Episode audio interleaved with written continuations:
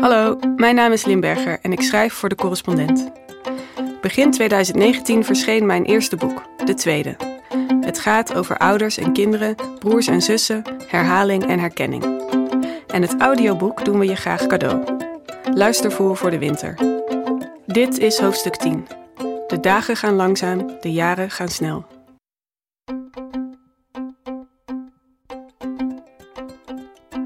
Hiervoor hoorde je over de invloed van twee kinderen op de tijdsbesteding van hun ouders. Maar daar is niet alles mee gezegd, want twee kinderen zetten ook je tijdsbeleving behoorlijk op zijn kop. Hoe dat precies zit, leg ik in het volgende hoofdstuk uit. Hoofdstuk 10. De dagen gaan langzaam, de jaren gaan snel. Hoe kinderen de tijd herscheppen. We verhuisden naar een nieuw, praktischer ingedeeld appartement aan de andere kant van de rivier in de winter dat mijn zoon één jaar was. De dagen waren koud en regenachtig en toen de laatste dozen waren uitgepakt, diende zich een sneeuwstorm aan. De crash belde of we onze kinderen eerder wilden ophalen, zodat de leidsters op tijd naar huis konden. De meeste van hen woonden ver weg, in het volgende dorp of de volgende stad. Ze waren afhankelijk van trein of bus en wilden niet ingesneeuwd raken. Het verkeer in het centrum stond overal vast, waardoor mijn vriend alsnog vrij laat arriveerde. Ik stond bij het raam te wachten toen ze thuis kwamen. Het was al donker buiten. Die avond gingen we met z'n vieren naar buiten om een sneeuwpop te maken op het plein voor ons nieuwe huis. Er moesten sneeuwpakken worden aangetrokken en winterlaarzen en mutsen en handschoenen en sjaals. Het duurde een eeuwigheid voor we buiten waren. En het had iets buitenproportioneels, de hoeveelheid handelingen die verricht moesten worden voor we überhaupt ergens aan waren begonnen. Eenmaal op het plein zette mijn zoon twee voorzichtige stappen in de sneeuw, die bij hem tot boven zijn knieën reikten.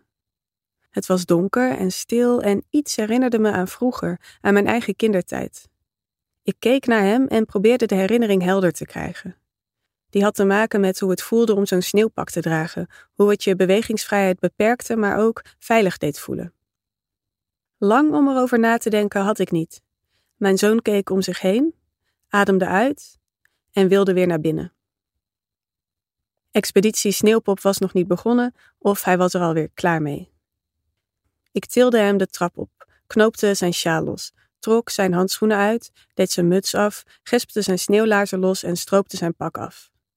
Ik hing alles over de verwarming, in afwachting van de volgende ronde. Op de vloer eronder vormde zich een plasje smeltwater. Eén minuut duurt altijd één minuut. Je kan de minuten van vaders vergelijken met die van moeders. Je kan de minuten die kinderen kosten bij elkaar optellen en je kan kijken waar ouders die minuten vandaan halen. Maar daarmee heb je nog niets gezegd over hoe zo'n minuut voelt. De beleving van tijd is ongrijpbaarder, laat zich lastiger vangen in statistieken en lijstjes dan de objectieve duur ervan. Toch is de manier waarop kinderen je tijdsbeleving vervormen minstens zo fundamenteel. En dat is wat ik wil weten. Hoe ervaar je als ouder de tijd? En in hoeverre verandert dit als er een tweede komt? Met kinderen, merkte een vriendin een paar jaar geleden op, gaan de dagen langzaam en de jaren snel. Het was zomer toen, we waren in New York. De eerste was anderhalf en de tweede nog niet geboren. Het waren andere tijden. We wandelden langs de Hudson, die vriendin en mijn vriend en ik, terwijl onze dochter in de buggy sliep. Ik wist toen al wat ze bedoelde. En nu, jaren later, nu de tweede er is, begrijp ik het nog beter. Wetenschappers proberen al zeker een halve eeuw in kaart te brengen wat het ouderschap met ouders doet. Hoe het hun welzijn beïnvloedt bijvoorbeeld en hun relatie en hun werk. En steeds vertellen ouders, wanneer hun wordt gevraagd naar de belangrijkste verandering die het krijgen van een kind met zich meebracht, hoofdzakelijk over één ding: tijd. Nieuwe vaders en moeders, schreef een psycholoog die begin jaren 80 de balans van het onderzoek naar ouderschap opmaakte, rapporteren dat ze slaaptijd, televisietijd, sekstijd en zelfs wc-tijd tekortkomen met dank aan hun borrelingen. Paradoxaal genoeg, voegt hij daaraan toe, zeggen ze ook dat ze zich veel vaker vervelen. Ouders komen tijd tekort en ze hebben er te veel van. Dagen zijn lang en jaren zijn kort. Het is wat neuropsychologen de klassieke tijdsparadox noemen. Hoe je de tijd beleeft hangt af van het moment waarop je hem beoordeelt. Bij een prospectieve beoordeling van tijd schat je de duur van een gebeurtenis in terwijl die nog aan de hand is. Een retrospectieve beoordeling maak je achteraf. En bij de twee manieren van beoordelen spelen heel verschillende processen een rol. Neem het voeden van een baby. Het duurt eindeloos wanneer je ermee bezig bent. Prospectief. Dat geldt ook voor het steeds opnieuw voorlezen uit hetzelfde boek, het doorlopen van de stappen tussen de avondmaaltijd en het instoppen. De handelingen zijn repetitief en voorspelbaar, er gebeurt weinig nieuws, waardoor verveling elk moment kan toeslaan. Dagen zijn lang. Maar kijk je er later op terug, retrospectief, dan kan je je van zulke episodes vaak maar weinig herinneren. Met als gevolg dat het geheel vervliegt, gereduceerd wordt tot bijna niets. Details beklijven niet en jaren zijn kort. Dit merkte ik ook bij dat kortstondige uitstapje in de sneeuw. Dat, nu er een tweede is, een nog veel groter deel van mijn tijd in beslag wordt genomen door routine dan voorheen. Mijn kinderen kosten me niet meer tijd nu ze met z'n tweeën zijn, maar de indeling van die tijd is wel degelijk veranderd. Nu lijk ik permanent bezig met het omknopen van sjaals, het dichtritsen van sneeuwpakken, het wachten tot de een klaar is om te gaan, het achterna zitten van de ander, het terug de trap oplopen omdat een van de twee iets is vergeten of nog even moet plassen of heel acute trek heeft gekregen. Met handelingen dus, die ik al honderd keer heb verricht en die voorbereidend van aard lijken, maar die uiteindelijk de hele activiteit blijken. Als één categorie het vanitas vanitatum aan den lijve ervaart, schreef Joke Smit, dan zijn het de moeders van kleine kinderen. Noem het de ultieme futiliteit. Zouden het die vele routinematige, voorbereidende, maar tot weinig leidende handelingen zijn, die maken dat ik de tijd nu vaak trager beleef, stroperiger, dan toen mijn dochter nog de enige was? Dat gedoe met jassen en mutsen in de winter bedoel ik, met zonnebrand in de zomer. Eindeloze herhalingen waaraan ik zoveel meer tijd kwijt ben nu ze met z'n tweeën zijn. En komt het daardoor dat diezelfde stroperige tijd, achteraf gezien, voorbij is gevlogen? Het is voorjaar, mijn zoon kan al lopen en is begonnen met het hardop benoemen van de dingen om hem heen, wanneer mijn dochter van een buurmeisje een horloge cadeau krijgt. Het is een roze exemplaar met een afbeelding van Minnie Mouse op de wijzerplaat. En het werkt niet, maar dat hindert niet, want mijn dochter kan nog niet klok kijken. Ze heeft slechts een rudimentair begrip van tijd. Daarmee beleeft ze de tijd vermoedelijk ook anders dan ik. Minder afgepast, minder als iets dat je kan meten, winnen of verliezen. Niet als iets waar je je vrijwel altijd ergens bewust van bent, waar je rekening mee houdt. En ik hoop dat ze nog lang zo onschuldig kan blijven zo vrij van alles wat wij, haar ouders, al denken te weten over de tijd. Ze wil weten hoe laat het is. Twee uur op haar horloge, vijf uur op de keukenklok. Twee uur, zeg ik. Kijk, zegt ze trots, als ik de tijd sneller wil laten gaan, dan moet je aan dit knopje draaien. De wijzers soeven van twee uur naar half drie, naar drie uur, naar half vier. In no time. Pasgeboren baby's hebben de neiging om met hun idiosyncratische ritmes de tijdsbeleving van hun ouders volledig uit het lood te slaan. Niet alleen maken ze het verschil tussen dag en nacht betekenisloos, ze veranderen de contouren van de tijd, zorgen dat de tijd niet langer continu is. De dagen met de baby waren lang, maar er was niets uitgestrekts aan, observeert de verteller van Jenny Oville's roman Verbroken Beloftes. De zorg voor haar vereiste het herhalen van een reeks taken die stuk voor stuk zowel dringend als eentonig waren. Ze scheurde de dag in snippertjes. Tijd is geen stroom meer waarvan je de koers zelf kan bijsturen, maar iets wat van buitenaf wordt opgelegd en je tegelijkertijd wordt afgenomen. Ook na die eerste slapeloze weken blijft de tijd versplinterd en enigszins onteigend. De kinderen waren klein en meeslepend, herinnert de hoofdpersoon van Anna Enquist Contrapunt zich, terugkijkend op de vroege jeugd van haar twee kinderen. Elk moment moest ze kunnen opspringen om iets te drinken te halen, iets voor te lezen, een vraag te beantwoorden. Wanneer kinderen met z'n tweeën zijn, weet ik inmiddels, versplinteren ze je tijd ieder op hun eigen manier. Toen mijn zoon er net was, botste zijn ritme voortdurend met dat van zijn oudere zus.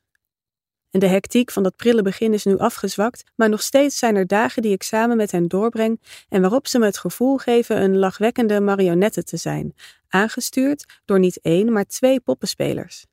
Dictatoriale, sardonische poppenspelers zijn het dan, die me van hier naar daar slingeren en soms in twee verschillende richtingen tegelijk. Het effect, ook dan, is dat de tijd tergend langzaam gaat, terwijl er toch nooit genoeg van is. In de roman De Gewichtloze van Valeria Luiselli observeert de verteller dat romanschrijvers altijd zeggen dat romans van de lange adem zijn. Zij heeft twee kinderen. Ze laten me niet ademen. Alles wat ik schrijf zal, kan alleen maar van de korte adem zijn, van weinig lucht. Eén keer goed in- en uitademen, rapporteert neuropsycholoog Mark Wittman in Gefühlte Zeit, duurt ongeveer drie seconden. Toevallig of niet, is twee tot drie seconden ook ongeveer hoe de meesten van ons het nu ervaren, de duur van één moment. En, zo ontdekten onderzoekers, het is de lengte van de geluidjes die moeders en baby's met elkaar uitwisselen. Dit zijn de tropenjaren, zeggen mijn vriend en ik geregeld tegen elkaar. Later wordt het makkelijker. En wat we bedoelen met makkelijker is dat we hopen dat onze kinderen dan minder beslag op onze tijd zullen leggen. Of in elk geval dat ze minder om die eindeloze routine zullen vragen en onze tijd minder in stukken zullen hakken. Those darling children who eat all my time, schreef Zadie Smith ooit. Zo ervaar ik het ook, zeker nu ik er twee heb en vaker dan me lief is. Het paradoxale gevoel dat die mensen die ik zelf willens en wetens op de wereld heb gezet en die me zo dierbaar zijn voor wie ik mijn leven zou geven, dat uitgerekend die mensen erop uit zijn om me dat wat van mij is af te nemen. Eeuwenlang was het verstrijken van de tijd iets wat je aflas aan het werk dat je had verricht, of de seizoenen die veranderden, of de stand van de zon. Toen kwamen er klokken en werd de tijd gestandaardiseerd en gingen we hem meten en tellen. Sindsdien is tijd als een munteenheid. Hij is van ons. We kunnen hem besteden, verspillen of investeren. We kunnen hem voor onszelf houden of weggeven. En hij kan ons worden afgepakt. Maar sinds de tweede er is, komt die metafoor me steeds vaker voor als waanzin. Want hoewel ik nog best vaak kan kiezen hoe ik mijn tijd besteed, waar ik op een bepaald moment mijn aandacht op richt of waar ik mij bevind of met wie ik verkeer, heb ik er minstens zo vaak ook helemaal niets over te zeggen. Omdat twee onvoorspelbare factoren, kleine kinderen, zich in mijn leven hebben genesteld en in al hun onschuld zijn gaan dicteren hoe ik mijn tijd doorbreng. Hun wensen, hun tempo en hun behoefte aan herhaling bepalen grotendeels wat we als gezin met onze tijd doen en hoe ik me daarbij voel. Geregeld denk ik terug aan die koortsachtige nacht met mijn zoon in het ziekenhuis. Misschien omdat die episode zo goed illustreerde hoe, juist op momenten dat een kindje geplande tijdsbesteding in de war gooit, de tijd op kan houden een munteenheid te zijn die je naar keuze kunt uitgeven. Tijd wordt iets anders, mystieker, ongrijpbaarder. Meer misschien zoals ze vroeger was, in een mythisch verleden, voordat we spoorwegen, klokken en lopende banden hadden, voor er mini-mouse-horloges bestonden. Tijd als iets wat je overkomt en waar je niet veel anders mee kan doen dan hem ervaren. In haar boek Valuing Children stelt de Amerikaanse econoom Nancy Folber voor om de band tussen ouders en kinderen niet te karakteriseren in termen van investeringen, maar om het in plaats daarvan over een verbintenis te hebben. Ik lees het boek op een vrijdagmiddag in de universiteitsbibliotheek. Mijn vriend is thuis met de kinderen, dus ik kan blijven tot sluitingstijd. En hoewel ik haar voorstel een behoorlijke open deur vind, klinkt het tegelijkertijd aangenaam verfrissend. Het zal ermee te maken hebben dat het werk van economen en sociologen en evolutionair biologen me vaak zo berekenend voorkomt. Het werk van wetenschappers bedoel ik, die het verband tussen ouderlijke tijdsinvesteringen en child outcomes analyseren, alsof het over productieprocessen gaat, alsof het gezin een fabriek is. Tijd erin, IQ en andere testscores eruit. Of die de tijd die je als ouder aan je kinderen besteedt omschrijven als een opportunity cost. Je had immers ook iets anders met die tijd kunnen doen. geld verdienen, bijvoorbeeld. In het licht van die kijk op ouders en kinderen is Volbers voorstel niet alleen verfrissend, het is bijna radicaal.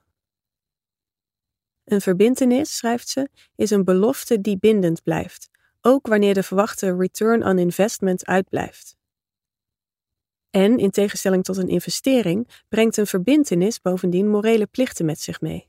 Plichten waar je je niet zomaar van kan ontdoen als de resultaten tegenvallen. Op momenten dat de tijd ophoudt van mij te zijn, wanneer hij niet langer het karakter heeft van een individueel bezit of een munteenheid, krijgt de tijd voor mij inderdaad de aard van zo'n soort verbintenis. Dat was wat er in het ziekenhuis gebeurde, terwijl mijn zoon sliep en ik aan zijn bedje stond. Op mijn verzet en verongelijkheid en mijn schaamte over dat verzet en die verongelijkheid volgde voor mij de berusting. Ik hield op met klok kijken en keek alleen nog maar naar mijn zoon. Op zulke momenten wordt de tijd meer als een gemeenschappelijke omgeving. Hij is geen grondstof meer die verdund of verdeeld moet worden, maar een commons, een gedeelde plek of ruimte waar iedereen toegang toe heeft. Een omgeving die toebehoort aan de gemeenschap als geheel en waar mijn kinderen en ik samen onderdeel van zijn.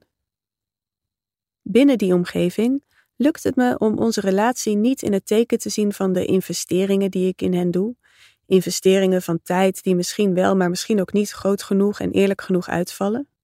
Wanneer ik de tijd zo beleef, hoef ik niet langer wrokkig of bezitterig te zijn en me niet langer ontoereikend te voelen. In plaats daarvan worden we gedefinieerd door de manier waarop we met elkaar verbonden zijn. Een collectief, verstrengeld en van elkaar afhankelijk.